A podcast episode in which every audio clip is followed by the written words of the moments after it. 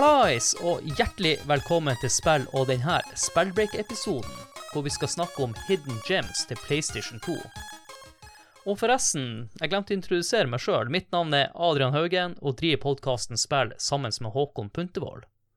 Og det som er litt spesielt med Spellbreak-episodene våre, er jo at uh, vi går litt bort ifra det vanlige formatet vi bruker å ha i spill. Og i Spellbreak snakker vi om spillrelaterte tema. Så det er derfor vi skal snakke litt om hidden gems til PlayStation 2 i dag. og jeg må jo ønske deg velkommen, Håkon. Jo, tusen hjertelig takk. Spellbreak. Det er så kos, det. At vi tar Altså, spill er også veldig kos, men det er deilig å ta en break og så snakke om et eller annet som er spillrelatert. Sånn som ja, i dag, da. Hidden Gems til PlayStation 2. For at vi gjorde jo det til Snes også, og det var i grunnen veldig kos. Ja. Jeg må jo i forkant si at uh, jeg tenkte hm, dette er en enkel maskin å finne hidden gems til, men så kom jeg på at vent, da. Det er veldig mange gems, men hvor mange hidden? Hm.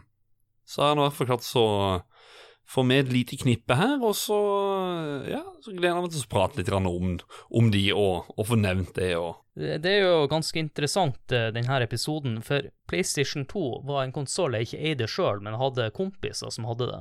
Så når jeg har gjort research til denne episoden, så har jeg også prøvd å finne typisk spill som jeg kunne vært interessert i å spille da.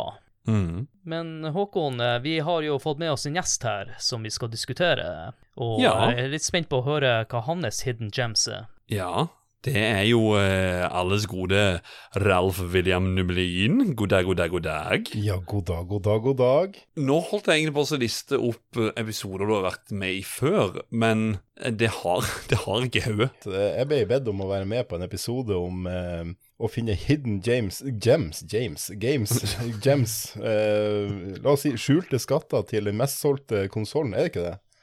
Gjennom Mm, tidene. ja. Eh, så jeg vet ikke hvor god vi er å finne noe som er skjult akkurat. Eh, men jeg har, jeg har, har prøvd. PlayStation 2 den er jo, ja, som du sa, en av verdens mest solgte maskiner.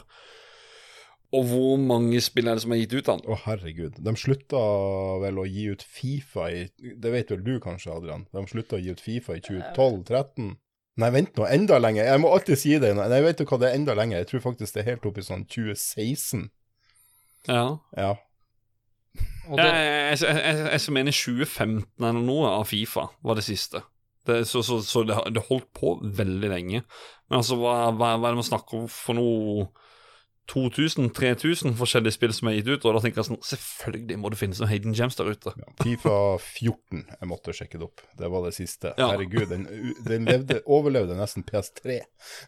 Ja. det som blir skummelt med Ralf med som gjest, er at han er veldig flink til å få oss ut på glattisen. Ja. Nå begynner vi egentlig Og å jeg kan snakke love om deg at det blir mye eh, glattis i denne episoden her. Nå begynner vi å snakke litt om det som egentlig vi bruker å nevne i en konsollspesial, så vi skal ikke snakke så mye om antall spill og sånn til PlayStation 2. Vi skal bare Nei. fokusere på de spillene vi har lyst til å trekke frem, som vi mener kanskje fortjener litt mer oppmerksomhet. Ja, men nå, nå Ja. du, du sa jo at du ikke fulgte det der eh, spillkonseptet i disse type episoder, så jeg tenkte at det var litt mer fritt. Ja, det er noe sant.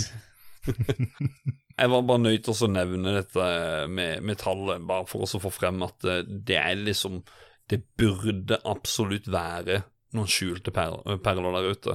Eh, så ja. Jeg, jeg, jeg er spent, og vi har jo også spurt lytterne, så det, det kommer også en liste etter hvert i episoden ifra der også. Ja, det blir jo også spennende å høre hva de skriver. Vi har jo sett litt på det de har kommet inn med allerede. Og det der med hidden gems, det er litt vanskelig å tolke. Hvor hidden skal spillene være? Eh, Går det mest på gems? Så jeg har ikke, jeg har ikke noen fasit på hvordan man skal kategorisere en hidden gem. Men for meg så er det et bra spill som kanskje ikke fått den oppmerksomheten. Ja, det, det er det jeg tenker. At eh, det burde Det er et spill som ikke er på liksom den der han eh, si, si fem PlayStation 2-spill. Den skal i hvert fall ikke være nevnt på den lista. Nei, Sant? og de kan du- gjerne Si fem PlayStation 2-spill, da kommer vi sant, med Final Fantasy 10, med Metal Gear Solid 2, 3, kanskje 3 først, og så, ja. uh, Og et eller annet WWE Smackdown versus something. Sikkert. Tekken og Ja. ja. For dere som har lyst til å høre om Tekken og Final Fantasy 10 og de eh, spillene, så blir det nok heller å komme egne spilleepisoder. Og med det så tenker jeg at vi skal bare kjøre i gang eh, og snakke litt om våre hidden gems. Da er vi endelig klar, og jeg tenker at du, Ralf, skal få lov til å starte det her ballet. Oh yeah. Uh, jeg fikk jo klar beskjed her nå rett før opptak at jeg måtte fatte meg i korthet. Og jeg og en, en vi kjenner, han Christer, uh, er jo ikke akkurat så god på det.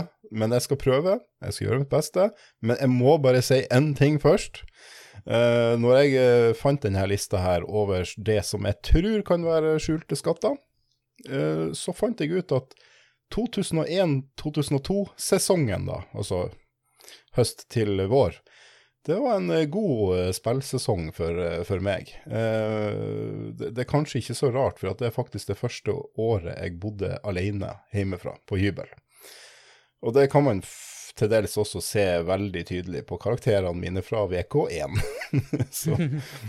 Men jeg tenker vi kan gå rett på da mitt uh, første spill, som er Star Ocean Till the End of Time.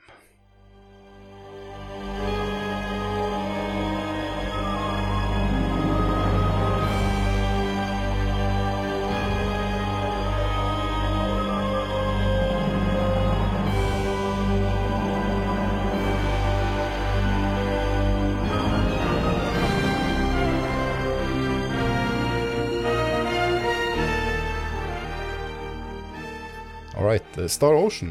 Det er et uh, sjokk eh, for de som har hørt eh, meg snakke om spill før. Sjokk. Uh, det er et RPG. Japansk sådan. Uh, det, det er utvikla av uh, Treeace, Triace. Det er tidligere Enix-studio. De het vel da Square Enix. Dette kom ut i 2004 i Europa. Og ehm, jeg har ikke lyst til å si så voldsomt mye om det spillet, annet enn at det, det, det, det er sikkert drit i dag, da. Hvis jeg hadde prøvd det i dag, tenker jeg. Fordi at PlayStation Jeg har prøvd en del PlayStation 2-spill, og de har ikke holdt seg så godt av en eller annen grunn. Jeg syns faktisk PlayStation 1 har holdt seg bedre, men um, uansett, da. eh, Det har en plot twist som er ganske episk. Eh, og så husker jeg eh, veldig godt at det var et jævlig kult crafting-system i dette spillet. Du kunne, du kunne leie inn ehm, eh, folk til å jobbe for deg og finne opp Altså, de, de fant opp våpen og skitt. Eh, folk som jobba for deg. Så det var ganske sånn innvikla. Ikke hvor mange Altså, det var jo automatisk, det var bare at sånn, hvor mye skill de hadde, hvor gode de var, og hvor mange folk du brukte, så ble det liksom ting eh, ting oppfunnet sikkert fortere. Men, men man, da så var det liksom Du fikk en feeling av at oh shit, han fant nettopp opp en helt awesome rustning som jeg kan bruke, og ja. Men det er, det er et eh, Det er mm, science fiction. Så det er litt sånn eh, Du starter, det er dritmoderne romskip og skitt, og så blir du Jeg mener, veldig tidlig i spillet så blir du styrtet på en planet som er skikkelig steinalderen. Eller sånn jernalderen, da, kanskje.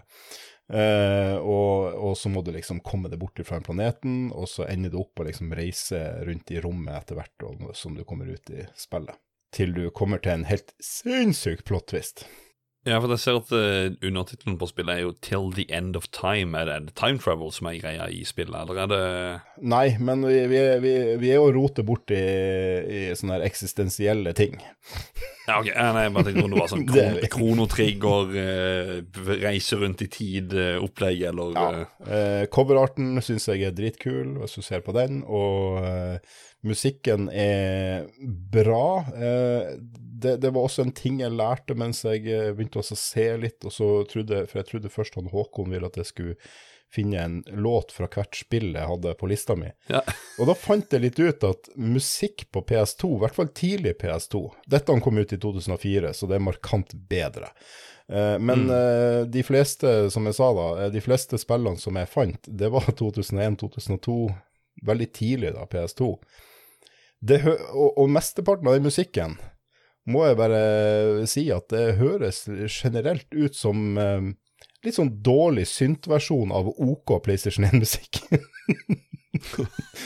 Men eh, Så derfor var det liksom det her Star Ocean det, det, Hvis du skulle ha ei låt fra ett spill, så tenkte jeg ja, introlåta på Star Ocean, den er, den er ganske fet. Og jeg syns det passer inn som en god introlåt. Det var litt sånn der bygger opp Mm. til et eventyr, da. Altså Star Ocean er jo kjent uh, innenfor altså alle som er glad i Final Fantasy, you name it, sånn masse JRPGs, så er det jo en sjanger som kan treffe. Ja, men det var Eh, helt ukjent meg da det kom. For det, det som var Ja. på SNES, kom jo aldri til Europa, så vidt jeg vet.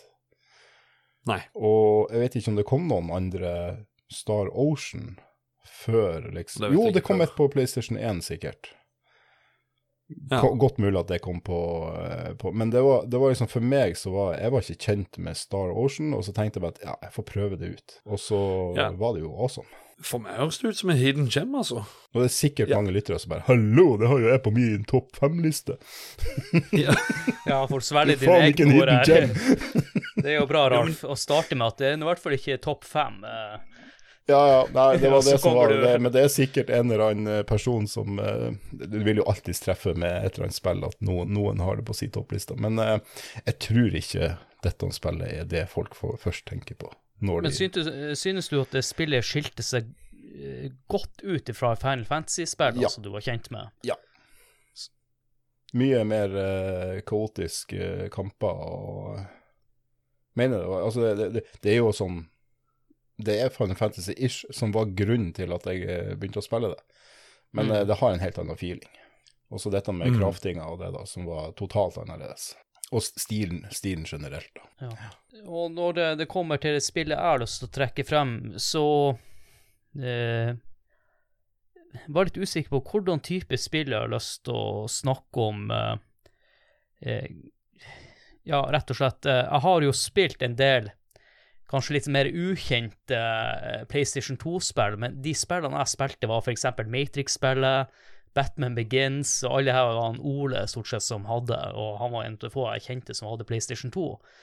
Jeg synes eh, på den tida så var det kanskje litt kul, men jeg har valgt å gå en annen vei. Jeg har valgt å prøve å finne spill som jeg egentlig ikke har spilt noe sjøl, men spill som appellerer til på en måte. Jeg synes de prøver på hvert fall noe unikt og kanskje skiller seg litt ut fra andre spill. Og jeg må si at det spillet jeg skal trekke frem etterpå, denne, akkurat det spillet har bytta litt uh, plass noen ganger, men det her spillet var veldig sikker på at det her har jeg lyst til å snakke om. Så spillet jeg skal snakke om, er Extermination, som er et survival horror-spill.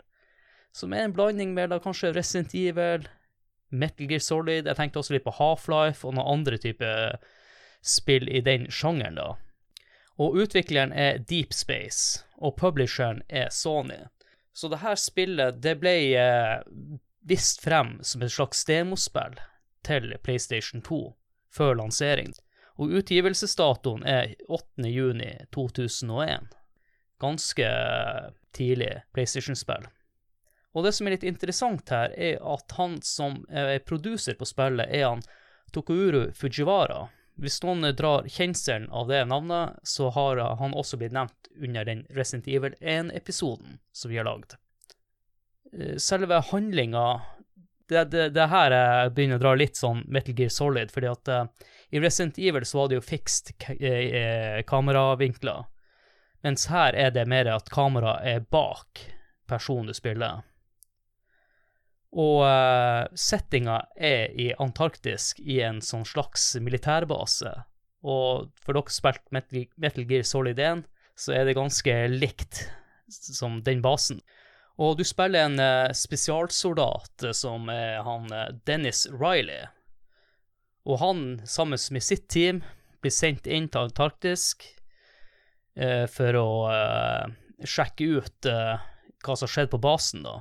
Og på veien dit så blir jo selvfølgelig eh, flyet skutt ned, sånn at alle folka blir spredd rundt på forskjellige steder inne på basen.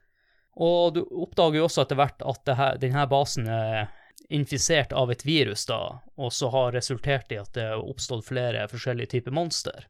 Så det, det med action og sånn er også litt spesielt. eh, For Resident Evil så må du jo finne våpen og, og diverse, men her har du et våpen hele tida. Og måten du eh, finner nye våpen på her, er egentlig våpenmodder. Så du kan eh, modde våpenet med forskjellige typer eh, La oss si flammekaster, granatkaster, forskjellige typer scopes. Eh, du har også muligheten til å sikte i første person, som igjen drar litt sånn paralleller til Resident E- Nei, Metal Gear Solid 2, på en måte, at du kan gjøre det der også. Og i tillegg så har han en kniv da, som du kan brukes til å knuse esker og ja, og bruke han som et sånn nødvåpen hvis du er tom for kuler. Og så finner du også et batteri ganske tidlig som du bruker i ny og ne til å lade opp. Du kan oppgradere batteriet her. Du bruker jo også batteriet til å save på sånn savingspot som var populært på den tida. Og selvfølgelig at det ikke er tankkontrolls her. Det, du har muligheten til å hoppe litt eh, rundt omkring og litt mer eh, moderne type kontroll. Og så må du jo også passe på at eh, hvis du blir infisert av det her viruset, så må du jo finne en sånn eh, antidote eller antivirus. Så har du også en sånn slags maskin der du kan eh, fjerne det helt. Og eh, hvor mye det viruset påvirker kroppen din, det kommer litt an på områdene du er i, og hva du går på, om du blir slått av et monster og sånn. Sånn at det påvirker deg litt, alt det er rundt, så du må passe på det òg, i tillegg. Og så er det jo ganske mye mer actionprega i forhold til Resident Evil. da. Det jo, kan kanskje sammenlignes mer med Resident Evil 4, på en måte, med tanke på action. Det eneste som er litt med spillet, at det kan være Kamera kan av og til være litt sånn lost, litt janky, sånn at du Ja, det er litt sånn på den tida. Det er jo den tida. Men, men eh, ut ifra det du har forklart nå, så føler jeg sånn eh, Jeg vet ikke, det er litt sånn eh, Altså, jeg var jo ikke så veldig mye på PlayStation 1. Eh, dere var nok mer på det enn det jeg var. Jeg var jo Nintendo-gutt. Men eh, PlayStation 2 var vel kanskje litt mer der det begynte å bli stort med sånne type actionspill også, sånn at eh, dere her kan jo ha gått litt under radaren av den grunn, med tanke på at du, som du nevner, Resident Evil, Metal Gear Solid Det er liksom det er vanskelig spill å konkurrere Ja, mot. det her prøvde vel kanskje å, å, å konkurrere med Silent Hill og Resident Evil, så sånn sett Ja. så har han klart å skille seg ganske mye ut ifra de to spillene, da. Mm. Her er kanskje litt mer eh, fokus på combaten og action, mens eh, Resident Ja. Evil og Silent Hill er mer fokus på stemninga og at det skal være skummelt. Mm. Her er litt mer farger og sånn. Og det er jo litt sånn plot-twister etter hvert i spillet og, og sånne ting som jeg synes eh, jeg, jeg tror i hvert fall at uh, hvis jeg hadde vært klar over det spillet her, så hadde nok kanskje jeg og noen av mine kompiser vært interessert i å spille det. Jeg synes det Det virker kult, og det har noe der som uh, det, Hvis det hadde vært litt mer populært, uh, kanskje kunne det bygd, no, bygd videre på, det. Men spillet fikk litt sånn varierte tilbakemeldinger fra kritikere. Så jeg tror det er Mm. egentlig derfor at de, eh, Sony da bare går opp det her eh, spillserien, men jeg føler i hvert fall at de var inne på noe, i hvert fall. Mm. Og eh, jeg prøvde jo å finne litt sånn musikk til det spillet her, og det har eh, noen litt sånn stemningsmusikk, så jeg tenkte at det er litt kjedelig å ha med og trekke frem, da. Men vi har jo funnet låt, Håkon, og skal vi høre litt på den?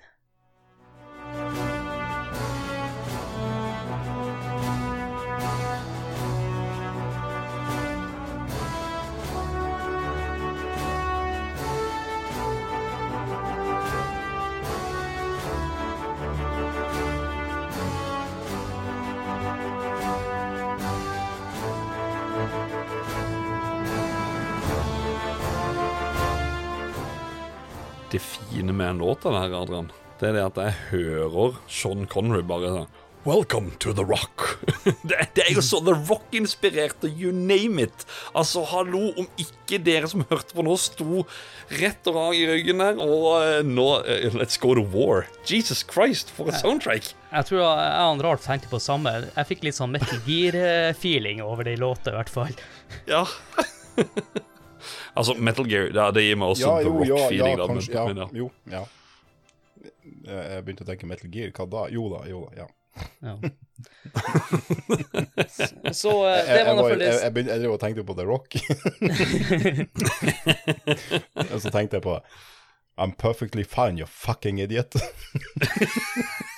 Og da har jeg lyst til å si, med, med tett bombshell, så jeg tenker vi skal gå over til ditt spill, Håkon. Yay! Vet du hva? Eh, veldig mange vet at jeg da i eh, arkademaskiner og eh, space shooters. Det er jo en veldig kjent kategori. eh, ja, i, i, ifra arkadehallene, da, så de sideskrollene hvor du er et fly, og du flyr, da. Spillet jeg skal nevne, er Gradius V, eller Gradius 5. Det er det femte spillet i serien. Det er utvikla av Treasure og G-Rev. Utgitt av Konami 8. oktober i 2004. Eh, jeg sa jo at det var utvikla av Treasure, og det er faktisk samme folkene som har lagd det velkjente Gunstar Heroes til Sega Mega Drive og Radiant Silver Gun til Sega Saturn. Og Radiant Silver Gun er jo faktisk kjent som kanskje ett av de beste innenfor alt som har med space shooter å gjøre. Men det er jo da et Sega Saturn-spill, så derfor er det ikke nevnt i denne episoden. Men eh, Eller i, i dybde, da. Men det er liksom ikke så veldig mye å si om eh, om det annet enn at, at det er en sidescrolling space shooter. De gikk veldig over til den der 3D-grafikken, noe som jeg syns er et ganske Det er en ganske ballsy move å, å, å, å tørre å gå vekk fra den pikselerte grafikken over til denne 3D-en eller uh, polygongrafikken, da. Fordi det er noe med denne sprite-looken, og den, den, holder seg jo til og med den dag i dag. Og eh, jeg tenker egentlig folk ville også ha vært negative til det, og jeg sjøl var ganske negativ til det eh, først, eller frem til da prøvde dette spillet, og, og så at uh, oi, det, det, var ikke så galt allikevel. Du må bare se, se litt vekk ifra grafikken, kos deg med det, så skal du se at uh, det er faktisk et veldig, veldig bra spill. Um, har du spilt det første Gradius, som kanskje er det mest kjente av de De andre er kommet ut liksom litt sånn i rykk og napp, noe på SNES og sånt. Uh, så har du et sånt system for Du har et oppgraderingssystem på spillet, da. I det første spillet så var det sånn at du, du fikk en eh, sånn eh, en, ja, en sånn liten brikke eller sånn, sånn beam eller sånn, som gjorde at du da kunne velge mellom uh, missile eller mot uh, uh, laser. Du kunne liksom velge sånne oppgraderinger som er under. Der hadde du bare én linje på det første Gradius. I dette, og egentlig de andre spillerne før òg, så har du litt større utvalg av det, sånn at du, du kan finne på en måte ditt favorittskip, eller din favoritt-upgrade, og bygge deg ut ifra det. Og siden dette her er et PlayStation 2-spill, så har du eh, selvfølgelig high score-system uh, som lagres på maskinen. Noe som gjerne forsvant når du kobla ut Arkademaskinen back in the day. Uh, og så er det muligheten for å velge enkelte baner. Du har en enkel score attack, du har vanlig arcade mode, og ja, det er liksom i grunnen det. det er ikke så veldig mye å si mer annet enn at det er et veldig kult sidescrolling space shooter eh, som Man skal ikke bli skremt av grafikken, for eh, man er vant med at sidescrolling space shooter det skal være pikselert. Det er ikke Her er beviset uh, for at eh, Eller dette her er et av bevisene for at det, det er ikke nødvendigvis bare pikselert sprites du skal ha til sånne spill. Det er uansett kult at uh, de prøver å kjøre Jeg vil ikke si ja, på en måte et gammelt konsept, da. Den side-scroller-shooter-greia i så seint til PlayStation 2. Det er ikke snakk om PlayStation, det er faktisk snakk om PlayStation 2 der eh, utviklere var veldig opptatt av 3D, at alt skulle være i 3D, mm. og gjerne i, i, i 3D-omfang, da. Så det ja, er modig ballsy. Ja, det, det, var flere spill som også gikk over til, som du nevner, 3D. At de liksom gikk inn i en tredjepersonsskyter, eller, eller sånn som Altså, vi fikk jo mye sånn som Lilet Wars og sånne ting på, på SNES. Altså third person flying shooting games. Så, uh, jeg, vet, jeg, vet, ikke helt sjangeren. Uh, ja, der i hvert fall kamera uh, går fra sida til å gå bak flyet. Ja, ja, ja. Så det er liksom, den sjangeren forsvant jo litt. Han er heldigvis tilbake igjen nå i nyere tid og blitt veldig populær, men det spillet her, det tror jeg kanskje kan havne litt under radaren hos folk. Eh, jeg kan faktisk si at det gode gamle Gamespy, for de, for de av dere som husker den der fine grønne logoen med en mann som står med forstørrelsesklasse, Gamespy, de ga faktisk prisen det beste shooterspillet i 2004. Så det er, det er et bra spill. Men er det da en hidden gem? Ja, ikke sant? For der, der kommer jo min tanke om hidden gem. Det er jo at, at spillet har sikkert fått sin omtale da, men nå jeg hører ingen prate om det. Så jeg føler bare at ja, det er en skjult perle.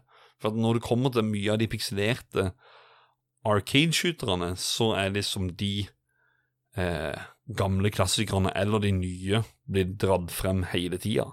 Imens de andre her, sånn som dette her med polygongrafikk og, og eller 3D-rendra grafikk og you name it, så det er litt sånn Nei, vi vil ikke spille det, for det, det er den grafikken.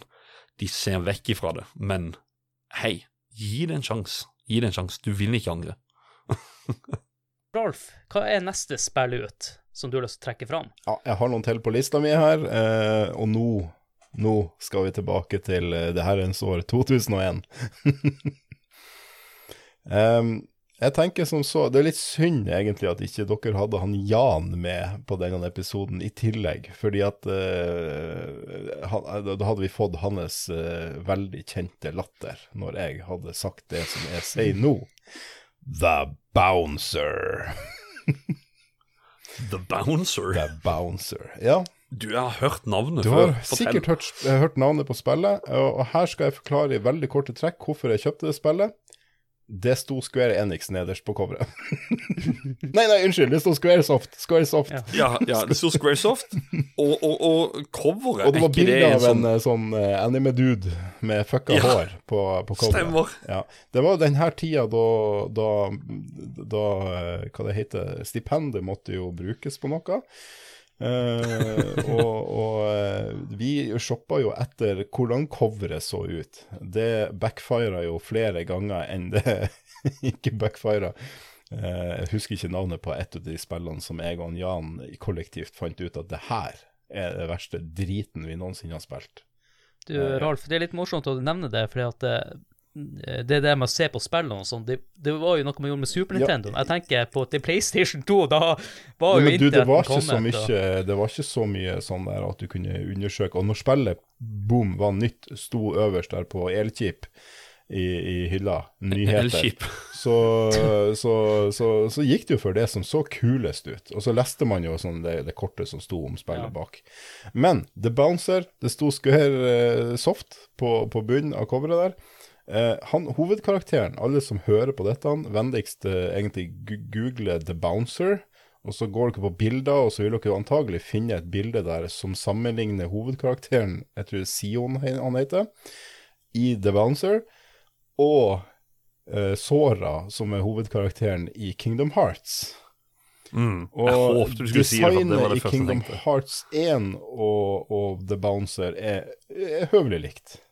Kingdom Hearts 2 og The Bouncer, det er jo kliss likt, for da har han blitt litt eldre, han såra, da. Så, så her er mange, her er mange sammenligninger. Eh, dette er et beat them up-spill. Hæ? Hæ? ja, Er det det? det, det er ikke et rollespill. oh, hæ? Du ser på coveret, du ser karakterene, du tenker, hæ? som meg. Her er jo Final Fantasy 10. Du kødder? Ja, Vet du hva, jeg har alltid trodd at det spillet ja. var et RPG-spill. Nei!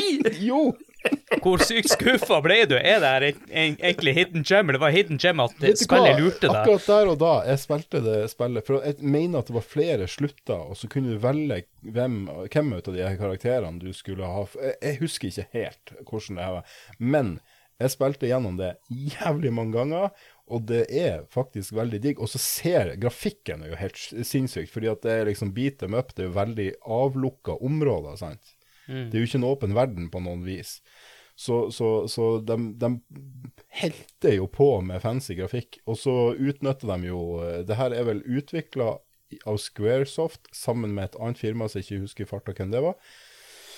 Eh, I og med at det var Squaresoft som hadde vært involvert her, så sto det jo fet skritt Squaresoft uh, nederst på coveret. Men jeg tror det er utgitt av Sony. Og uh, så, så jeg bruker jo det For det som veldig mange glemte når PlayStation 3 kom, så begynte de å snakke om analogstikke og sånn her på, som, som på en del konsoller, sant? Men PlayStation 2 hadde jo analoge Altså triggers, da.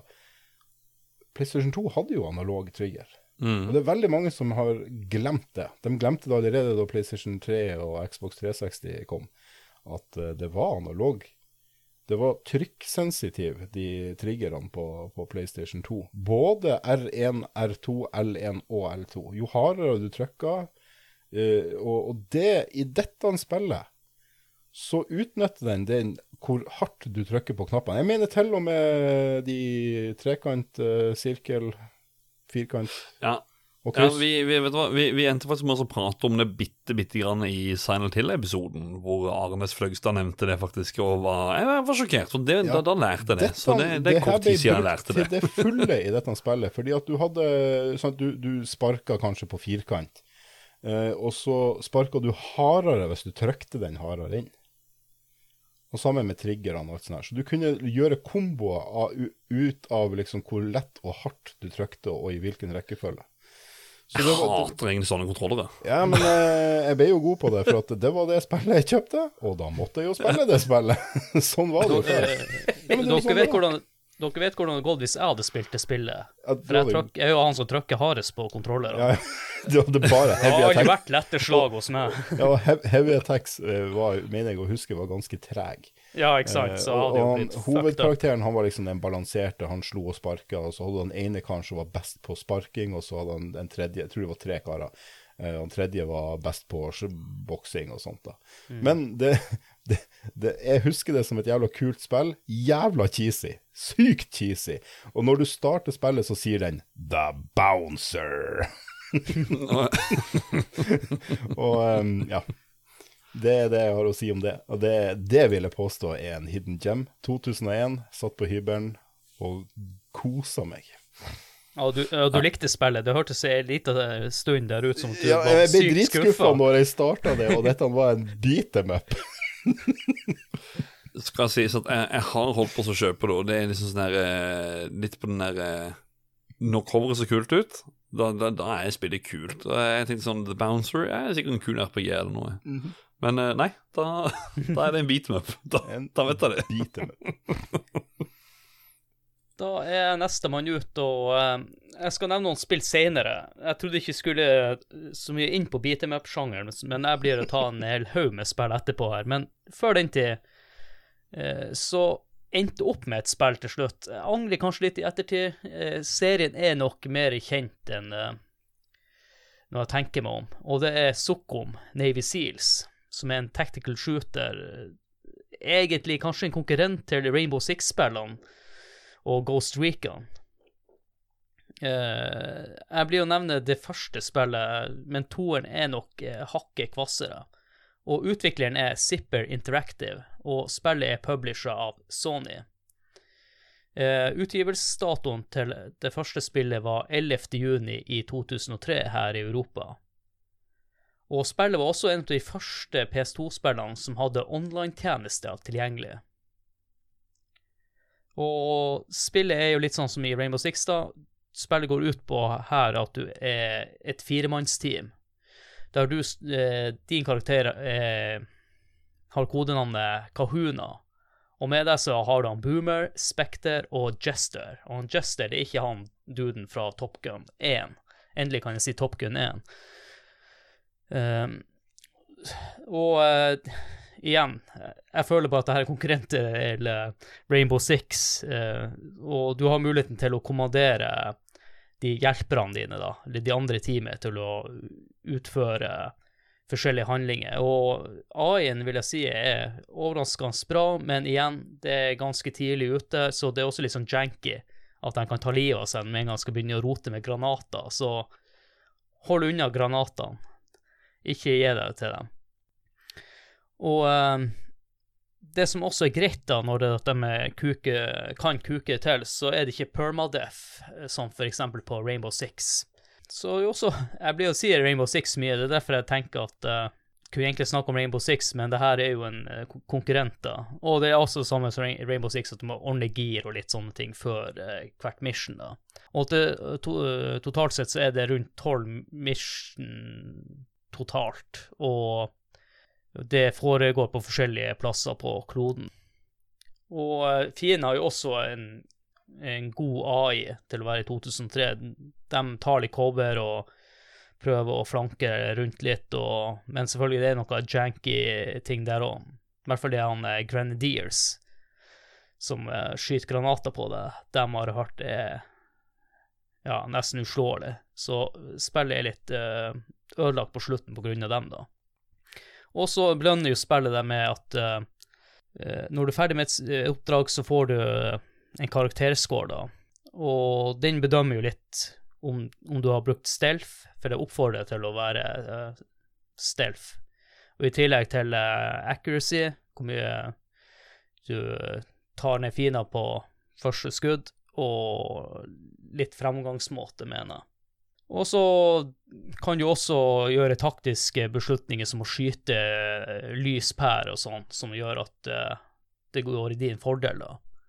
Og så kan du også gjemme på likene, men som jeg så da, så tar det ikke lange tida før likene er borte, så det er jo en kul ting, men ikke så toneangivende som i f.eks. Metal Gear-spillene, der du kan Du faktisk må gjemme dem for å ikke bli oppdaga.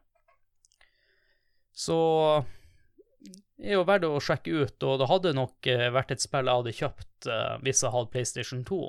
Jeg var jo veldig glad i Rainbow Six-spillene på den tida, så litt artig med en konkurrent. Men, og den serien har jo pågikk en stund, men har vel blitt avslutta og drept nå av eh, Sony. Kan jeg tilføye en ting som var veldig spesielt med utgivelsen av det spillet også? Ja. Det var Jeg vet ikke om dere husker når det var i butikkene. Eh, Det, det var jo en, en svær boks eh, som, som var Altså eh, Størrelsen som et PlayStation 2-over, bare veldig dypt. Altså en pappeske. Fordi det medfølte jo mikrofon. Jeg husker at min gode venn Preben fikk med den her, eller fikk det spillet til jul. Å, herregud, så gira vi var. Men så er det jo det som du nevner, ikke sant? du sier jo det Rainbow Six og sånne ting. Og det, det, det var dessverre ikke min type spill. Det, var- det var liksom for rolig at du, må- du måtte liksom Det er litt mer den der dagens Call of Duty-person. Du skal, du, skal inn med, du skal inn med ecstasy. Ja, jeg, jeg, skal bare plafre. Jeg skal gå batshit crazy med en gang. Ikke Eh, tenke. Så SOCOM Navy Seals er liksom bare eh, Nuke them all, nuke them all. det, det, det funker ikke. Eller er det bare Storm the front, fire in the hole. Eh, CS-greier. Nei, det funker ikke her. Men i voksen alder, hvor man liksom kanskje kan se litt mer på det at eh, å faktisk sette seg ned med et spill og heller prøve det for det det er, så vil jeg tro faktisk SOCOM Navy Seals er et eh, kan, eller, eller kan være et bra spill. Jeg, jeg vet jo ikke om du kan spille det uten mikrofonen eller ei, men Jo, jo, du kan spille uten, uh, men jeg må nevne i toa er litt kult, for at i ena så kan du finne jo planer og litt sånne ting, tegninger og uh, som Mm. ikke, har så mye betydning, men i toeren, alt du finner av sånn der Intel, kan du bruke på neste brett og gi deg en fordel med, med hvor feedene er plassert og, sånne ting. ja, nice. Så, så det er litt sånn kul uh, eh, spillmekanisme, eller mekanikk. Mm. Ja. Jeg, jeg, jeg syns det var jeg, jeg, jeg husker når det kom. Det kom liksom i stor boks, og da, da var det sånn derre God damn. Dette, dette her, det er et bra spill. Mi- Minner deg om de gamle PC-spillene. De kom jo Mm. i svære Ja, bokser. ja. Eh, men eh, det, det var, du nevnte jo du nevnte, nevnte du ikke online? Ja. Ja. Eh, for det er jo litt Det kom jo ikke ut før seinere i Europa. Men det fantes jo ikke noe online-ting på PlayStation 2 i Europa.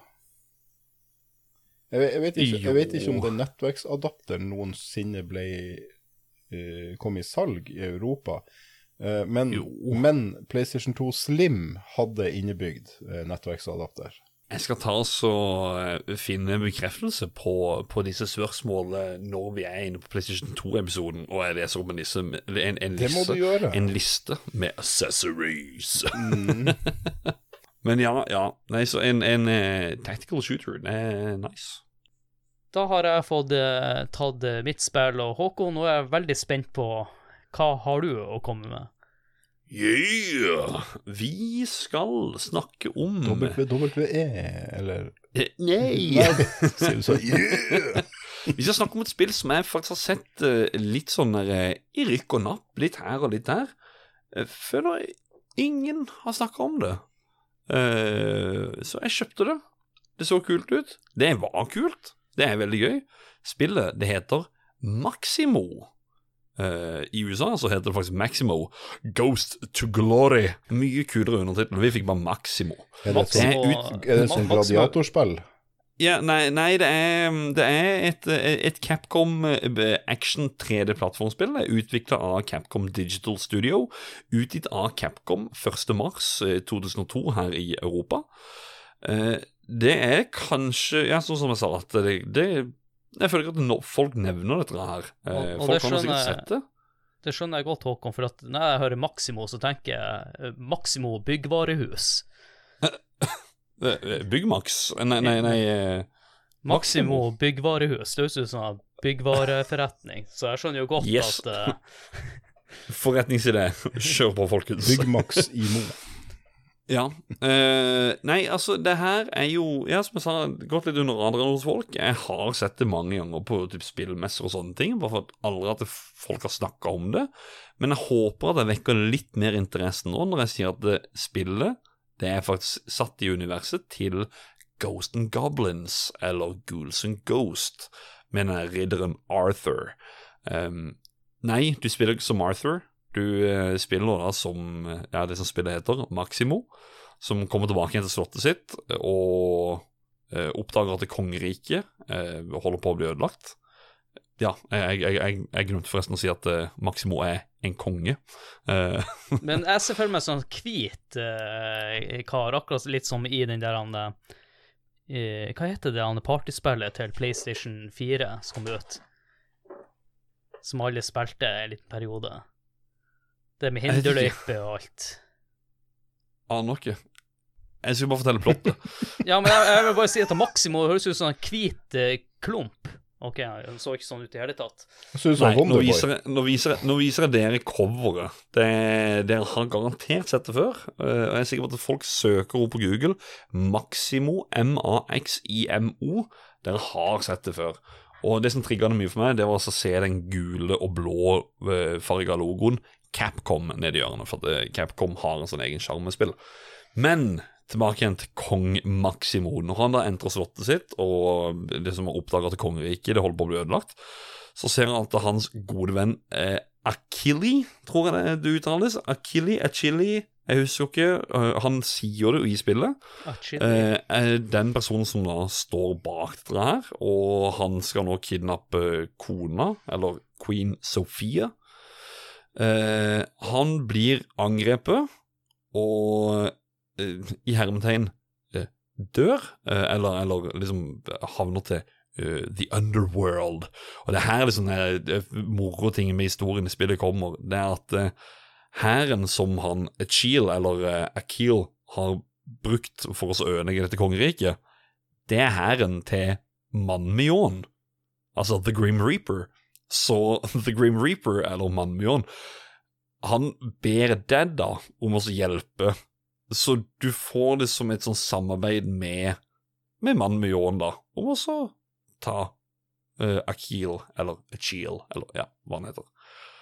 Uh, gameplay er jo som ja, ganske standard PlayStation 2 3D action-plattformer. Eh, om du har spilt Crash Bandicoot, Spyro, den slags, så kjenner du til det. Hopp opp på en blokk der, hopp opp på en blokk der, you name it. Ja, det er items rundt forbi, du samler i et spill her, så er det mynter. Det har irriterende lyd, som jeg gjerne skulle hatt med, når du, eh, når du plukker opp de myntene. Men eh, det er masse av det. Eh, du har diverse item upgrades, du har som hemmeligheter bak f.eks. en foss, eller Oi, hopp bak det fjellet der, der var det også et hull du kunne gå inn i, og der var det en skattkiste. Uh, og så er det det som jeg synes er litt kult, er det at det faktisk uh, I hvert fall på første banen så vil du kjenne igjen veldig mye av det der eh, Ghost and Goblins-designet, da. Eh, og, og fiendene, egentlig, sånn zombiene og sånne ting, det er jo de samme. Og eh, du har egentlig mye av de her bakgrunnseffektene. Om, om noen husker det fra Ghost and Goblins, så husker du sånn herre eh, Hva skal jeg si Flaggermus, steinformaktig, sånn taggete munn, eh, trekantøyne eh, Ja, my, my, mye sånn ting da, generelt rundt på baner fra Ghost and Goblins som også er med i dette spillet, som gjør at det appellerer mye mer for meg, eller til meg, da. Og ja, og så kan vi også ta musikken, for eksempel. Bare hør. Det er jo som tatt rett ut ifra et Ghost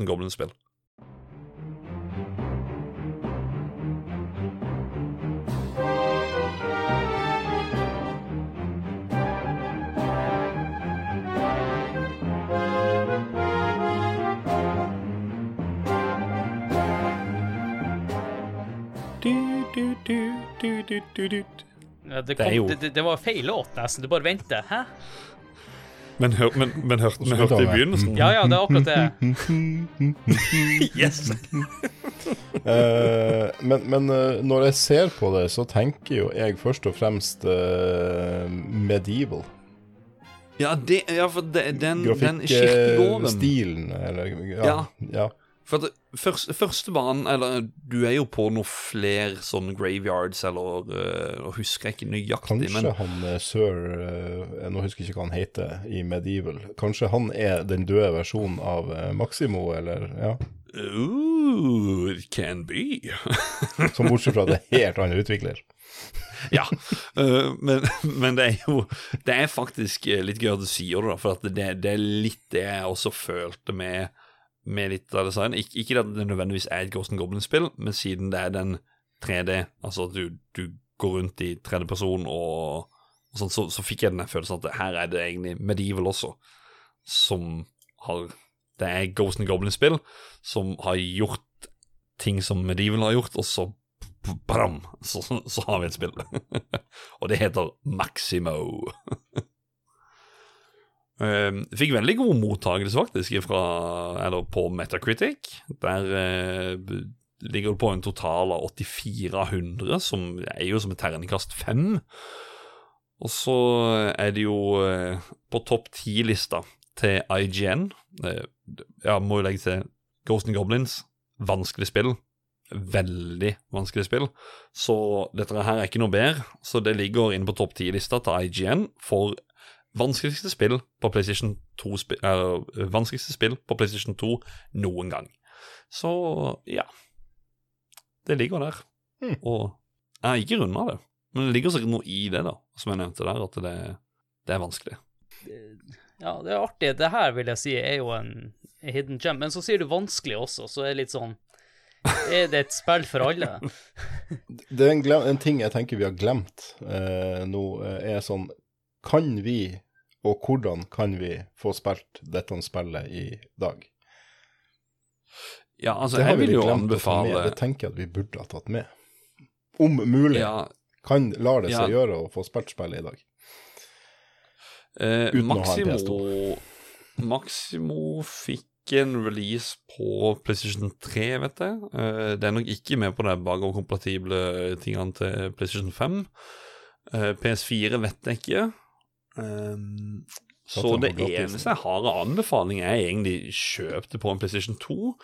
Og, og PlayStation 2, litt gøy at vi har denne episoden her, det er faktisk eh, Nå har jeg fått mer og mer sansen for den maskinen, og tro meg, kjøp til en OSSC upscaler, PlayStation 2 Slim, kjøp en av de seneste utgavene, for den har beste diskdrev. Altså, er det bare å peise på.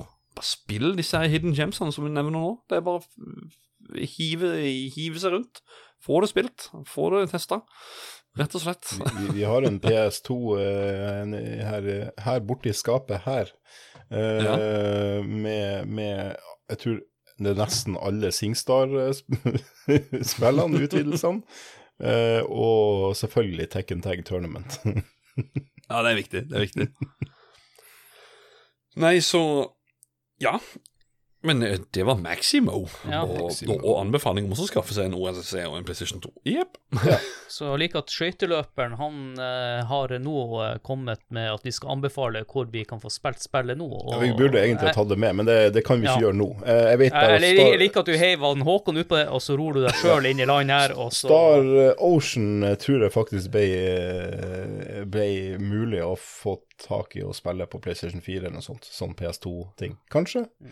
Eller så lykke til, få dere en PS2. Det er jo den mest solgte konsollen, så det er jo dritenkelt å få til. The Bouncer har aldri blitt gitt ut igjen. Jeg tror også jeg tviler på at Extermination eh, eh, Som sagt, det ble ikke satsa noe videre på. Det ble litt sånn død og begrava, dessverre. Men det neste spillet på lista mi, Ja. det får du spilt på PS4 og PS5. Så eh, PlayStation 2-versjonen, da.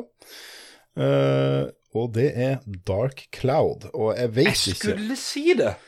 Jeg skulle si det, faktisk. Jeg tenkte Ja. Ralf, er det Dark Cloud? Ja. Og det var det. jeg, jeg, Men jeg vet ikke om dette er en hidden gem heller, da. Jeg, jeg tror det kanskje er det, eh, men, eh, men ja. Det er kort fortalt tredjepersons action-RPG. Eh, og jeg mener at uh, du har masse dungeons og greier i det, og jeg lurer på om de er sånn random-generert. Det var jo på den tida at spillene begynte å bli ganske store, og det var egentlig ikke plass til dem på en disk. Så da begynte man med sånn random-generering, sånn tenk skog og eh, hule og alt mulig i eh, Elder Scrolls Oblivion. Um, og så etter at du har knerta bossen i hula, og her kommer det som er throwback til en tidligere spilleepisode, vel, hæ? Eh, når du har knerta bossen i hula, så skal du bygge opp igjen byen som har blitt ødelagt. Eh, Hvis du, hvis du sier Altså, jeg var ikke med på den episoden, men jeg skulle egentlig spørre deg, for at når du snakker om dette her med ja, Når du snakker nå for ett minutt siden, så vil jeg egentlig spørre deg om Actracer. Ja. Eh, er, er er det litt sånn som Actracer? Jepp! I aller høyeste grad. Det er bare det at det er tredjepersons uh, Og, og uh, istedenfor at du leveler opp, så leveler våpnene. Våpnene, våpenet, våpenet ditt opp. eh, ja. Uh, musikken er drit. jeg fant ingenting som er Det her er fra 2001, igjen da 2001. Musikken er Jeg fant ingenting uh, musikk fra dette spillet som uh, fenga på noen som helst vis. Men spillet var veldig kult da. Det, jeg prøvde det på PS5. Eh, litt janky kontroll. Men, eh, men, eh, men det er litt morsomt det der når du, når du liksom har vært i dungeon og du kommer ut og skal bygge ting opp igjen. Så det eh, Har du en PS5 eller en PS4 og du har lyst til å prøve et action-RPG fra starten av årtusenet, så prøv Dark Cloud. Mm. Har du flere spill på lista? Ja, jeg har to til. Ja, da peiser du på med dem òg. Jeg kan si at level 5 var de oss som lagde, det heter utvikleren. Jeg de tror ikke de eksisterer lenger. Det er et Sony-studio. Um, ja, jeg kan ta de siste to. Den her er garantert ikke en, eh, en hidden gem, så jeg, den blir bare nevnene, og så går jeg videre. Fordi at det kom jo akkurat ut en remaster av ena og toa. Klonoa 2. Ja Prøv å gjette hvilket år det kom ut. 2001. 2001. Riktig. Men det siste spillet jeg har på lista mi, eh, det kom på den tida Det kom i 2003, dette. da. Eh, det, kom på den, det her var på den tida da alle skumle ting inneholdt ei jente i, med langt, svart hår i kimono. Å nei. Oh yes. Er det, er det Project uh... Ja. Project oh, Zero, oh. eller Fatal Frame som det heter, i hvert fall i USA. Jeg vet ikke hva det heter i Japan. Jeg har spilt Silent Hill. Jeg skal aldri spille det spillet der. Glem det. Det her, altså det, For det her var jo tror, Det her var vel etter The Ring. The Ring kom, og så, var det, og så var det kimonojente i alt. Eh, Men det her satt jeg husker, Det jeg husker bra fra den spillet, vi satt og spilte det i mørket. Uh, hadde jo leilighet uh, sånn, Eller ja, stor, stor hybel. Eh, og hver kveld så var det en svær kompisgjeng som satt med føttene godt planta opp i sofaen. og, og, og, så spilte en bytta vi liksom på tur og, og spille dette. Du er utstyrt med et kamera, du har ingen våpen. Og for å beseire spøkelser og, og skitt, så må du ta bilder av dem. Nei. Så du springer i tredjeperson. Jeg husker ikke om det var sånne, sånne Resident Evil-kameravinkler, du som har drevet og streama det nå i, i nyere tid. Uh, jeg husker ikke om det var låst i kameravinkel, det kan være at det var det, eller at det, liksom, det var et kamera fast, og så fulgte det karakteren din, men ikke Jeg tror kanskje ikke at det var sånn at det, det fulgte tredjeperson. Og så måtte du inn i førsteperson og liksom sikte med kamera, og så ta bilder av spøkelsene før du ble fucked up. Mhm. Det, det er ikke mye musikk i det spillet, det er bare er noen lydklipp i ny og ne, uh, som er sånn her en rasling, eller sånn ching, eller noe sånn her en, eh, ja, du vet sånn creepy Japanese horror movie-lyder Mm. eh, som kommer. Og ja, det, var, det var ikke trygt å ha føttene i gulvet mens vi spilte det spillet der. Veldig kos, veldig kos. Det er sikkert drit i dag, men eh, det var kjempebra, da.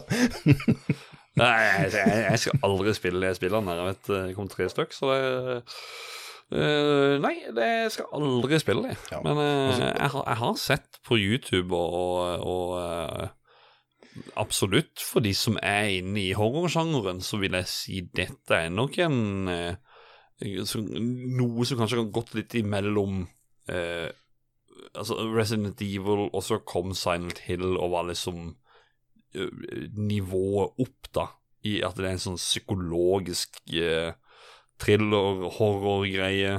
Men det spillet her, så er det For meg så er det reinspikka horror, uh, The Ring Ja, opp så mange hakk at Ja, Det kom vel eh, sånn 3D-skytespill senere, uh, Fear. Det var jo også sånn langhåra kimono-jente. Yep.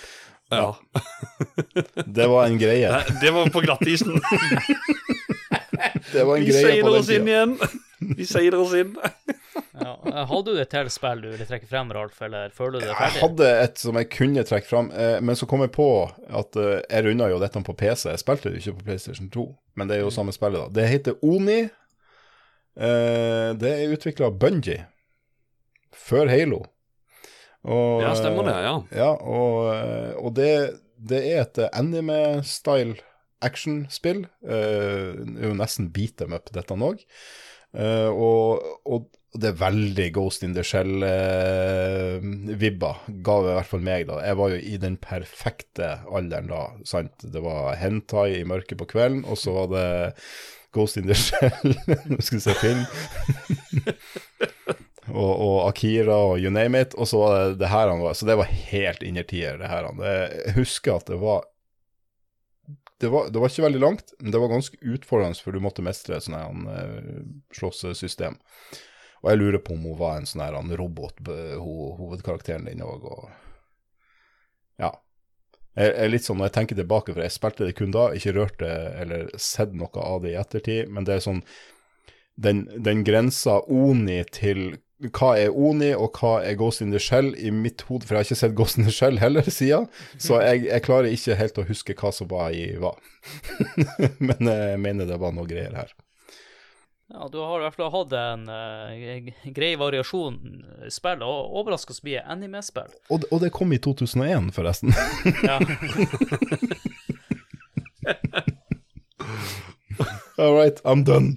Yes, eh, det har vært en god del anime-spill fra Ralf, så eh, det første spillet jeg skal, jeg skal være kortfatta nå. Det er Killswitch, som er en covershooter fra Namco. Og det som fanga min oppmerksomhet med spillet her, er jo det jeg akkurat sa, at det var en cover-based shooter. Eh, Det, Det var ikke et kjent uttrykk da, i hvert fall. Nei, nei fordi at jeg, jeg er ikke 100% sikker, men det er ganske sikkert på at de her klarte å gjøre systemet ganske godt. Og du spiller jo en, eh, en elitesoldat der også, til Bishop. Eh, veldig stilig med at du må Ja, eh, det er litt sånn Kan minne om et veldig dårlig Gears of War, på en måte. Bare, bare at det her skjer i, eh, i nåtid. Det sier mer altså det sier voldsomt mye om Gears of War når du sier at det er kjempedårlig, men det var det første som gjorde det skikkelig bra. Ja, ja, Men du sammenligner med Gears of War sånn, som ja, et mesterverk. Så, så, ja, så, så er det ikke så. Men det som er interessant her, er jo at det er mange spill som har eh, nevnt at de har henta inspirasjon fra det her spillet i ettertid. Og blant annet Gears of War, der en av de som jobba med det spillet her, Killswitch, gikk over til Epic. Og i tillegg så mener jeg det var snakk om noen, den som lagde Uncharted og sånn, hadde også sett til Killswitch, med tanke på det her type eh, cover-based shooter-systemet det som kanskje er det dårlige med spillet, her, er at det er ganske rett fram og det er veldig repetativt. Så jeg vet ikke om, jeg, om det er noe jeg vil anbefale folk å spille i dag. Det vil jeg føles utdatert, men jeg bare beit meg merke i det her eh, måten å spille på som var litt foran alle de andre man tror var starta med der. Eh, de neste to spillene jeg skal trekke frem, det er jo fra samme publisher, Acquire. Eh, Way of the Samurai, som jeg tror kom først ut av de her to, eh, er jo et, eh, som det liker navnet, det er et samuraispill og foregår i perioden der Japan har begynt å møte vestlige land og, og gått litt mer over til vestlige, så du er en av de siste samuraiene igjen. Ja, nesten rundt i samme tidsperiode som The Last Samurai.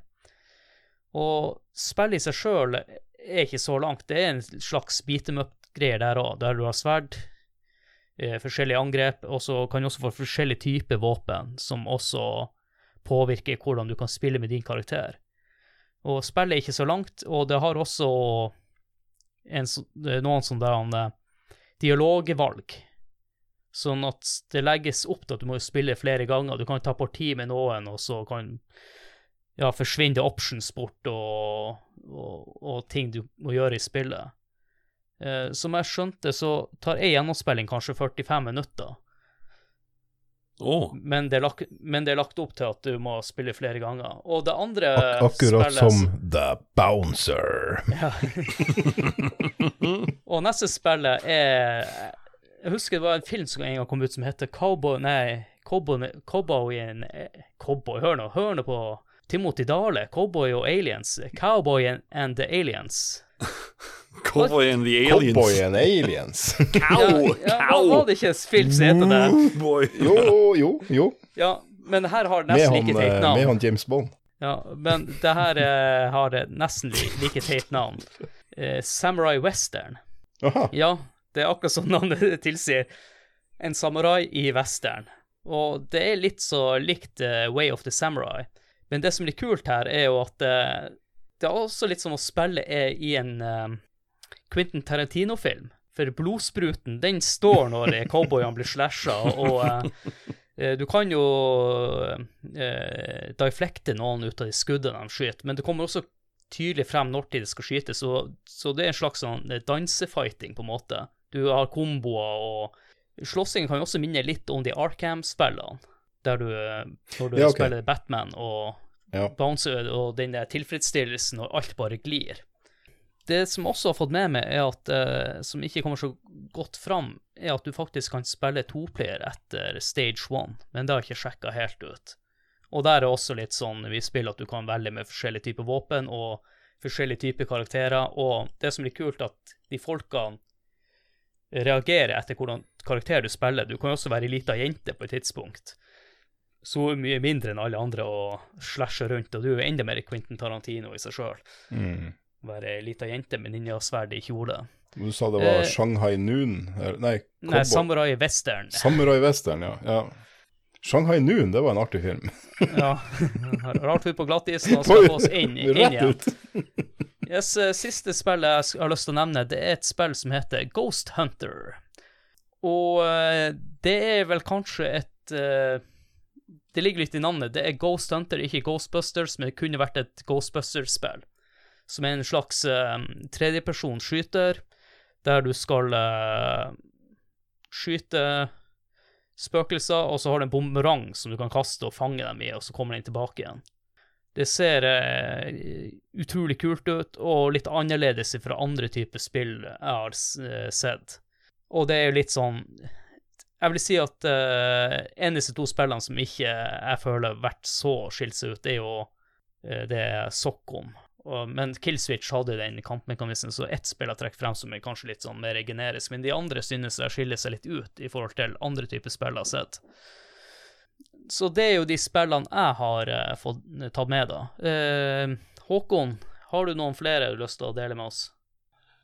Ja, altså, jeg, jeg, kan jo nevne ett til, da, som er en hidden gem i form av at det kunne komme ut i Japan. Uh, og eh, som dere vet, at jeg er veldig glad i Street Fighter, som mange liker å uttale mot meg, fordi at jeg er jo en sørlending. Så Street Fighter, det er jo laget av Capcom, som også lagde Maximo. Du Håkon, det er ikke derfor de sier Street Fighter, det er for at det høres ut som Dridfighter, sant? Nei, nei, nei. nei, nei, nei. Fordi det er drid. okay. Mange har jo en gang trodd at at eh, Tekken og Street Fighter er rivaler, akkurat sånn som Crash Bandicut og Mario Nei, eller, Sonic og Mario, you name it. Dette her er slåssespill hver for seg. De er ikke fans av hverandre. Vet du hva? Capcom og Namco innenfor fighting de digger hverandre. Så det de faktisk gjorde eh, i Japan De utga et spill som heter Namco X Capcom ganske enkelt. Ja, det har, um, det har, jeg hørt om. Ja, det er et tactical role-playing eh, game, sånn som dere som kjenner til Final Fantasy Tactics, for eksempel. Eh, det er, det er samme stilen som det, bare det er med Capcom og Namco-karakterer. Og da snakker du ikke bare Street Fighter og Tekken, som jeg sa der. Altså, du har jo Capcom i form av eh, Ryu og Ken fra Street Fighter, men du har også Megamann, og så har du Captain Commando fra Arkadespillet Captain Commando. Så du har liksom universene Nem, uh, Nemco, Namco og Capcom, da. Uh, og så har de bare kjørt det sammen, og så Det er jo, som jeg sa, kun ute i Japan, men hvis du har det, så kan du alltids poppe det inn i en CD-rom på PC, hvis du har det òg. Så kan du patche dette her, for da, da gjør du det sjøl. Da kan du også patche dette her via roomhacking.net. Det er, veldig, det er en god, god side for oss å exploite litt sånn uh, Ja, tran translation packs. Uh, ja, og det er ikke ulovlig heller, hvis det er noen som skulle tro at det er ulovlig. Så uh, det er absolutt den ene måten å i, i, mine øyne eneste måten å spille det på. Og musikken i spillet er helt konge. Det har en helt egen versjon av altså alt gin-theme, Megamann, Wiley uh, Wiley Stage 2, uh, eh, altså you name it, av Capcom-låter. Ghost and Goblins. Bare masse, masse bra. Sjekk det ut. Namco x Capcom. Boom. Jeg kunne stort egentlig fortalt mange mange, mange flere. Ja, jeg har mange flere, jeg òg, men eh, det, det, hadde tatt hele kvelden. Men vi har gitt folk et A4-ark her, så vi, vi spiller ikke av spillene så ja, jeg, jeg stopper der. Jeg tror jeg hadde ti da... spill til i 2001 som jeg spilte. da går vi over til lytterspalten og hører hva de har å si angående Hidden Gems. Ja, skal vi se Vi har jo spurt inne på Discord, og vi har jo også spurt inne på Spill-community, og det er jo det som er interessant her, syns jeg. Altså, vi spør om Hidden Gems, altså det er skjulte perler til PlayStation 2 og vi spør om de har lyst til å ja, nevne et spill eller to som de anser som en hidden gem. Og jeg må jo si at eh, noen av disse spillene på lista her er jo ikke akkurat hidden, men de er en gem. Det stemmer. Vi kan begynne med første personen ut av. Det er Joakim Hamsås. Han skriver Boulders Gate-spillene til PS2. Ja, Boulders Gate i seg sjøl er jo ganske kjent spillserie. Kanskje litt mindre kjent at de kom til PlayStation 2. Så på en måte så er det jo hidden og en gem. Men om det er en hidden gem det vil jeg kanskje ikke si, hvis jeg tør å være så frekk. Mm. Ole Andreas eh, Bensen, han skriver Primal. Jeg er ikke uenig der, altså. Det, det ligger litt sånn sammen med Maximo for meg, altså. At det er sånn du ser det, men det, det er ingen som nevner det. Uh, men jeg, jeg, har aldri spilt det sjøl, da, så jeg vet ikke om spillet er bra. Å ja, det der! Men, det er med den der eh, lange, grønne knivsverdgreia på, på coveret. Ja, det spilte søskenbarnet til han Jan hele tida, og mm. vi mhm. spilte et annet spill eh, på den tida som vi syntes var kult. Eh, og, Ja. og, og vi gidda jo ikke å spille det der, da. Men han var, prøvde jo å overbevise oss om at Primal det var det beste spillet som noensinne er laga. Oi. Ja, såpass. Ja, ja, ja. Men uh, vi var litt opptatt med noe annet. Jeg husker ikke. Det her var i mars 2003 uh, kom det ut. Og eh, det var vel sikkert noe Jeg tenker Final Fantasy eller eh, eh, kanskje Metal Gear. Det var noe veldig stort som vi spilte på, det husker jeg. Og han var så jævla hellbent på at vi måtte digge Primal. Og jeg, vi, jeg, jeg tror ikke vi prøvde det engang. Men det er jo en bra statement, da, at uh, noen der ute mener at Primal er det beste spillet som noensinne er laga. ja. Ja. Uh, Adrian Tanem, som var med i Tony Hawk-episoden, han, uh, han har vært med i begge Tony Hawk. Han ønsker å fremme Mr. Mosquito, altså Mr. eh, Mygg. Eh, han sier at det er et gøy og merkelig spill som eh, folk flest kanskje ikke kjenner til. Og så har han lyst til å fremme at Haunting Grounds kommer også til tankene. Uh, Haunting Grounds har jeg aldri hørt om. Mr. Mosquito, det har jeg hørt om. Jeg har ikke hørt om og noen det- Nei. Eh, jeg syns ikke Mr. Mosquito ser gøy ut, men, men jeg, jeg, jeg kan ta feil. Jeg kan ta feil.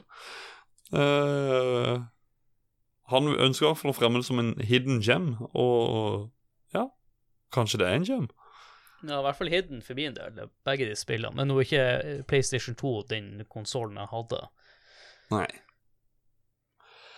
Stian Mæland, Baldur's Gate, Dark Alliance 1 og 2, Burnout 3, Takedown, Need for Speed 1 og 2 og Most Wanted, og kanskje Bully. Uh, Bully er vel Kom det på ann, en annen konsoll enn PS2? Alle de andre kom i hvert fall på alt mulig annet. Eh, Jeg vet ikke Nei, Bully Bully Hør nå den bra Bully.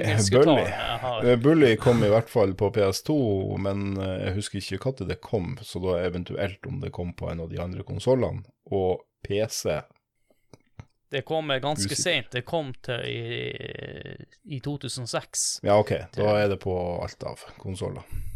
Men eh, vi har vel ikke sagt at det var PlayStation 2 eksklusive, eh, for der har vel vi synda allerede, da. Ja, ja. På det som vi har sagt. Så. Ja, det er jo innafor, tenker nå jeg, da. Og uh, Bully Faen òg, skal jeg si det navnet igjen? Men du kan ikke ha en? Xbox-skatt der, sant? Hidden Gems. Eller GameCube Hidden Gems. Jo, vi må nok få det til uh, på en eller annen måte. Ja, Bully har jeg hørt uh, ganske mye om. Jeg har aldri spilt det uh, sjøl. Det gikk nok under radaren min i 2006 når jeg kom ut. Jeg hadde ikke mitt fokus uh, der da, men det er jo, det er jo spesielt at eh, Rockstar, når de holdt på med stort sett bare GTA-spill på den tida, og så klarer de å presse inn det her i tillegg. Med tanke hvordan de opererer nå, med at de er ganske seint ute med oppfølgerne nå til eh, GTA, for eksempel, og Red Dead Redemption. Det går noen år imellom, og en, en konsoll i, i hvert fall imellom hvert spill nå, kontra før i tida. Ja, for da, Han nevnte jo også Burnout 3, Takedown og Need for Speed 1 og 2. Da mener nok sikkert Underground-spillerne også Most Wanted. Men, men det er jo der jeg tenker Det er jo gems. Det er jo Altså, Burnout 3 Jeg har ikke, jeg har ikke tall på hvor mange timer jeg har på det. Mm. Det, det er jo noe av det feteste bilspillet som var. På grunn av alle krasjinga og alt sammen. Uh, Så det er ganske kjente spe, spillserier også, så jeg er jo enig Ja. med deg. Det er kanskje Gemma, men Hidden er de nok ikke. Nei. Nå er det ikke vi som skal Men uh, folk får være med og, og, og, om, om de er enige eller ei. Er dere uenige, så fyr løs i kommentarfeltet til episoden, så, det, så tar vi praten der. Så det er artig når du snakker om Rockstar og, og GTA, så kommer jeg bare til å tenke på The Getaway, som kanskje er en hidden gem. Eller det er egentlig ikke en gem, fordi at det var vel kanskje et ufattelig oppskutt spill, og jeg, jeg husker jeg var veldig skuffa av det. Det så veldig Ja. kult ut, det var veldig oppskrytt, og så var det bare bummer når det kom. Og så var det i London, så du måtte kjøre på feil side av veien, og det var jo helt angst å, å spille. Da har vi en hidden bummer. En hidden bummer. ja. Kristoffer Getterboys Hansen. Tenshu, genialt ninjaspill som jeg spilte dritten av, og vet ikke om Beyond Good and Evil er en hidden gem, men vet at kjerringa rister i sinne hver gang jeg sier at det ikke er kommet noen oppdateringer på utviklingen av Beyond Good and Evil 2. Nå spiller vi dette her i november 2022, så om du hører 2025, kanskje spillet allerede er kommet ut, da. Men på denne tida, ingen oppdateringer utgitt om Beyond Good and Evil 2. Hmm. Men Tenshu, Tenshu, det er PlayStation 1-spill, hallo. Så pff, vi legger den vekk. Ja, Tenshu 2. Det, det kan kanskje hende. Ja. Det vet jeg ikke fins. Gjør det? Nei, det heter Tenshu Wrath of Heaven. Og det kommer på PS2. Ja. Vi sats... Da mente sikkert det spillet, da. Da må vi gå ut ifra det. Og, ja, men han nevnte også Beyond Good and Evil, og eh, det er vel Det er jo en gem, men, men eh, Hidden mm, Ja. En kult, Nei. det er en kultklassiker. Ja. Det er ikke Ja, en ja, ja. hidden gem. Nei. Gå videre.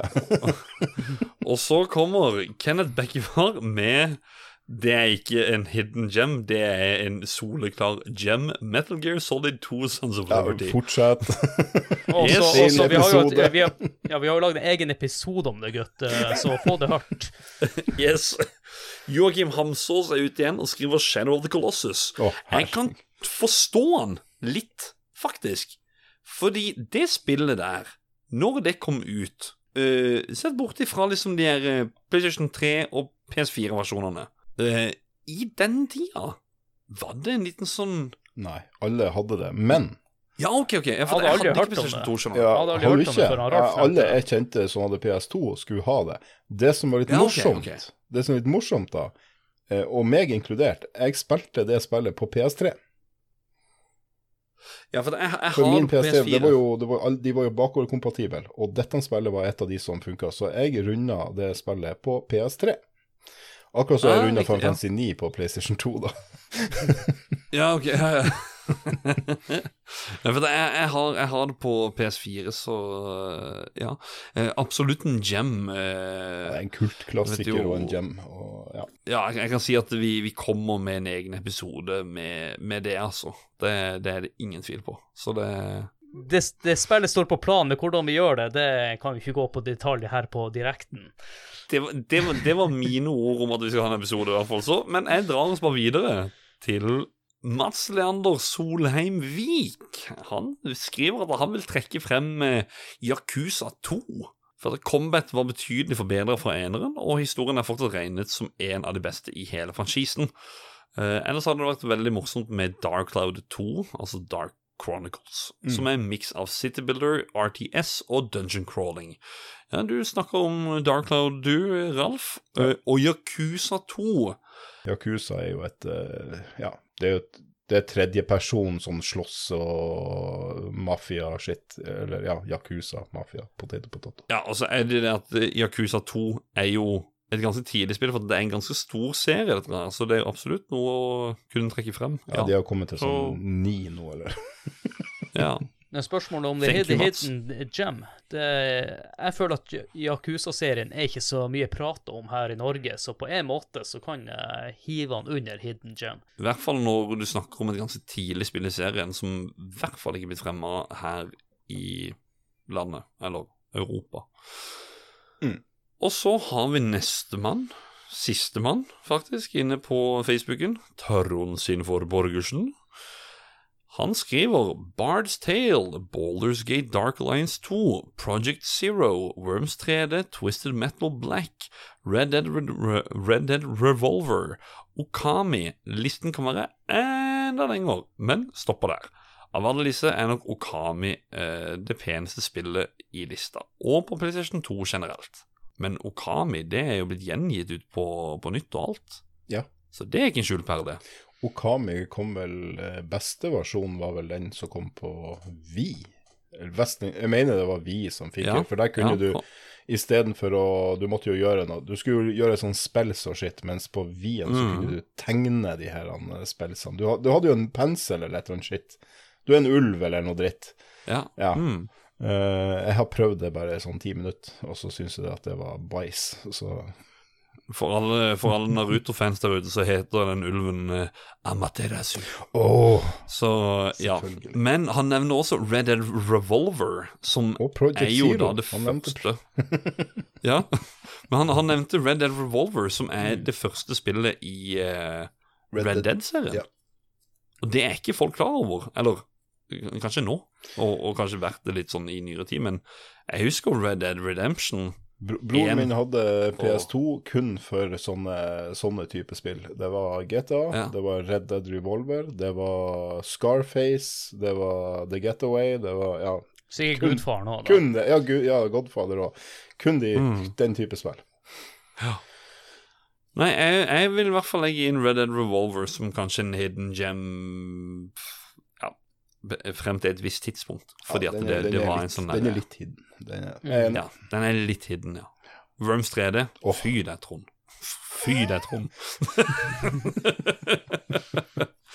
jo, nei, men det var de der inne. Skal vi inn og se på discorden, dere? Jeg spurte vi om det samme. Folk har jo Eh, skrevet en hel essay. Ja, Molmen han skriver ut bare at uh, hans første PlayStation 2-minne må være Final Fantasy 10 og ICO, og at han aldri hadde en PlayStation 2. Men vi skal jo snakke om Hidden Gems. vi tar heller det svaret når vi skal snakke om PlayStation 2. Ja, spar det til den gang, og ta en copy-paste nå, og så limer man inn igjen, for vi blir ikke å huske det her til eh, Nei. den gang. Martyrik, derimot, han kommer med Dark Cloud 1 og 2. Chronicles, i parentes, City Builder og Dungeon Crawler. Mange timer ble det med toren, i hvert fall. En miks av Zelda og Actracer. Har du hørt, Ralf? Mm. Ja, har aldri, aldri hørt om det. Nei, nei, nei, nei men uh, forklaring her. Kommer Ja, ja. Actracer Ja, det- inn det og sånn alt. det. Og, uh, ja, ja, ja. Nydelig. Og så ønsker han å nevne Shadow Hearts. Kjøpte dette fordi uh, Kodelka til PlayStation 1, uh, og det er, uh, er i samme serie. Han blir ikke skuffa. Serien blir gjenopplevet snart med Penny Blood. Kan jeg Jeg må nevne en liten hidden gem her, eh, som han eh, Ralf også fortalte meg om. Kodelka det er en skihopper, og på PlayStation 2 så hadde du jo RTL Ja. Ski Jump-springen-serien, som er ganske bra. Jeg kunne ikke ta den med, for at du- jeg hadde jo for mange allerede, så jeg kunne ikke ta med det. Men RTL Ski Springen 2003 og 2004 mm. For en spillserie. Det kunne godt ha kommet tilbake. kan eh, referere også til forrige episoden vi hadde, for at han nevner faktisk eh, Kodelka. Det er jo eh, Jeg vet ikke om det er publisert av de eller utvikla. Det er enten eller SNK, som vi snakker om i Neo Geo-episoden sist gang. Jeg har faktisk ikke spilt noen av de som eh, nevnte her. Kodelka har jeg bare sett, så Shadow Hearts har jeg vel heller ikke hørt om, og visste ikke at det var en del av serien. Så vi får nå se da med Penny Blood når det kommer ut, om det er en, eh, en eh, slagen. Men så har vi siste mann ut. Det er jo vår alles kjære Terje. Og Terje, han skriver mye. Han skriver om to spill. Så jeg skal lese om det første. Adrian skal lese om det andre. Så må jeg si at han Terje er våres uh, univers Brandy Builder. Det er han som bygger Wall of Text her, der han Brandy Builder bygde uh, The Wall i, i Jeg holdt på å si Lord of the Rings, det er ikke det er Game of Thrones.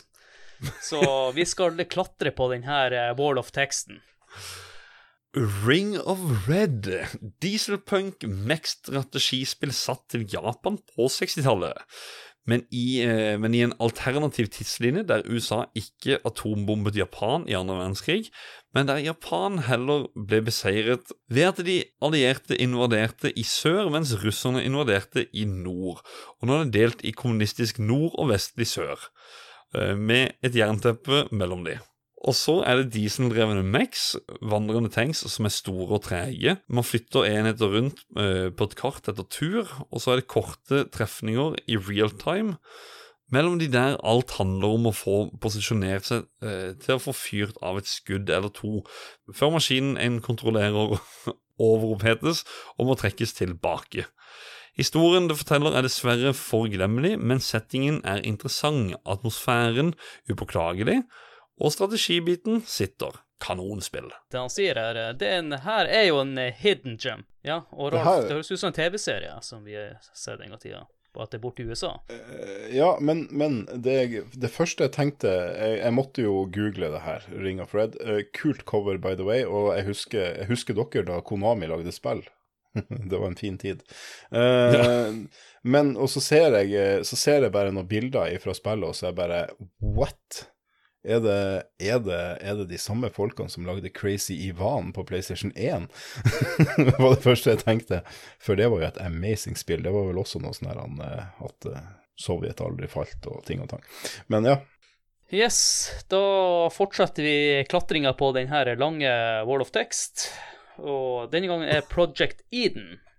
I en framtid der byer har fortsatt å bygge seg oppover i høyden, og sivilisasjonen nå bor langt over bakkenivå, skal du styre en gruppe på fire agenter nedover i de gamle bygningene for å løse et eller annet mysterium.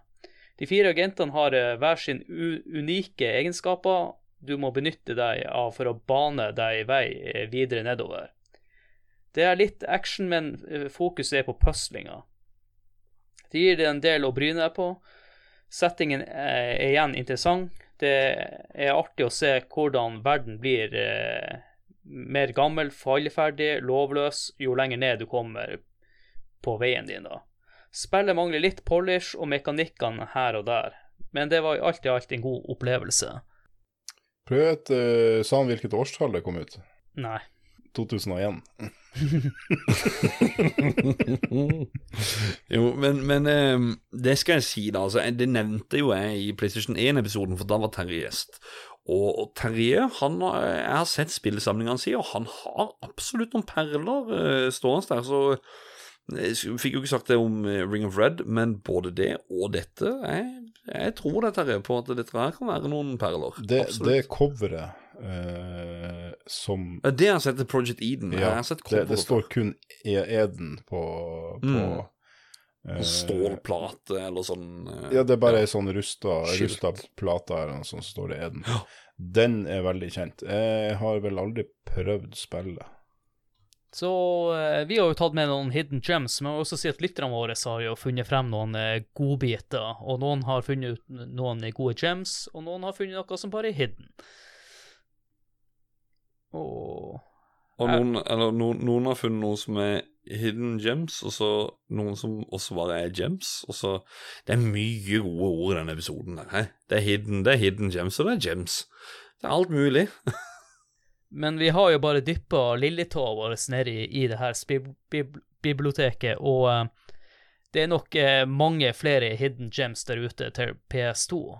Garantert. En, en ting er sikker, jeg blir ikke med på å rangere topp ti PlayStation 2-spill. Faen, det er umulig. det blir en lang episode. Det er vel kanskje en grunn til at vi har holdt oss litt unna de type episoder.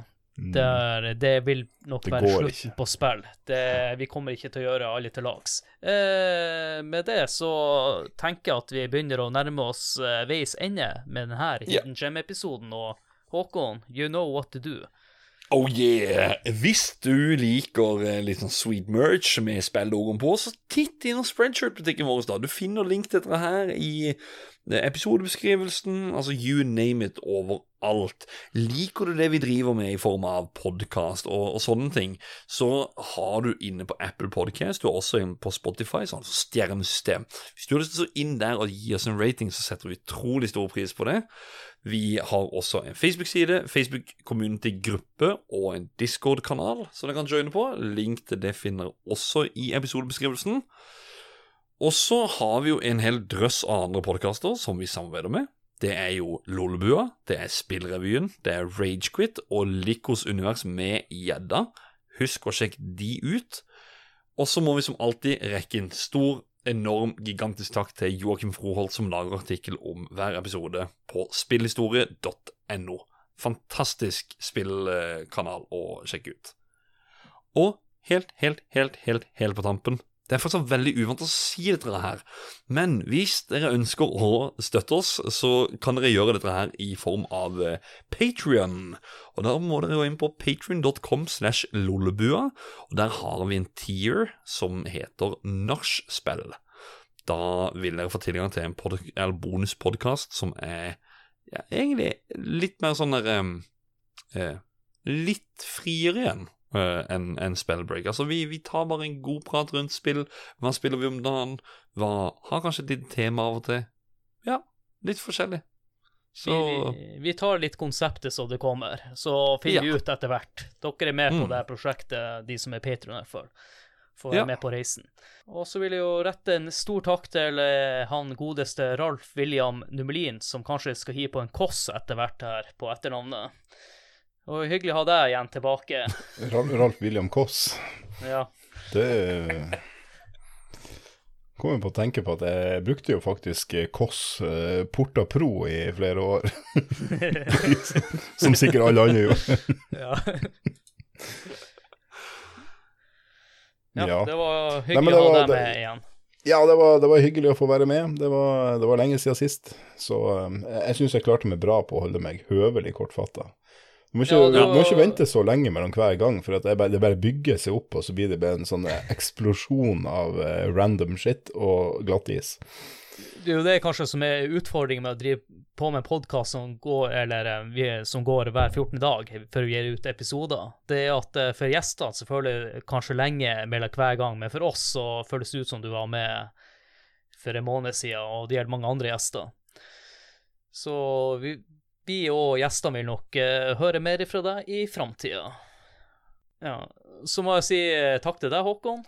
Jo, det var så hyggelig så endelig å, å kunne prate om uh, atter en gang noen hidden gems. Det er koselig med disse episodene. Vi har hatt to av de så langt. Yay. Mer skal det bli. Og så må jeg jo si, si takk til meg sjøl, og tusen takk uh, til dere som hørte på. Og da gjenstår det bare for meg å si ha det! Ha det!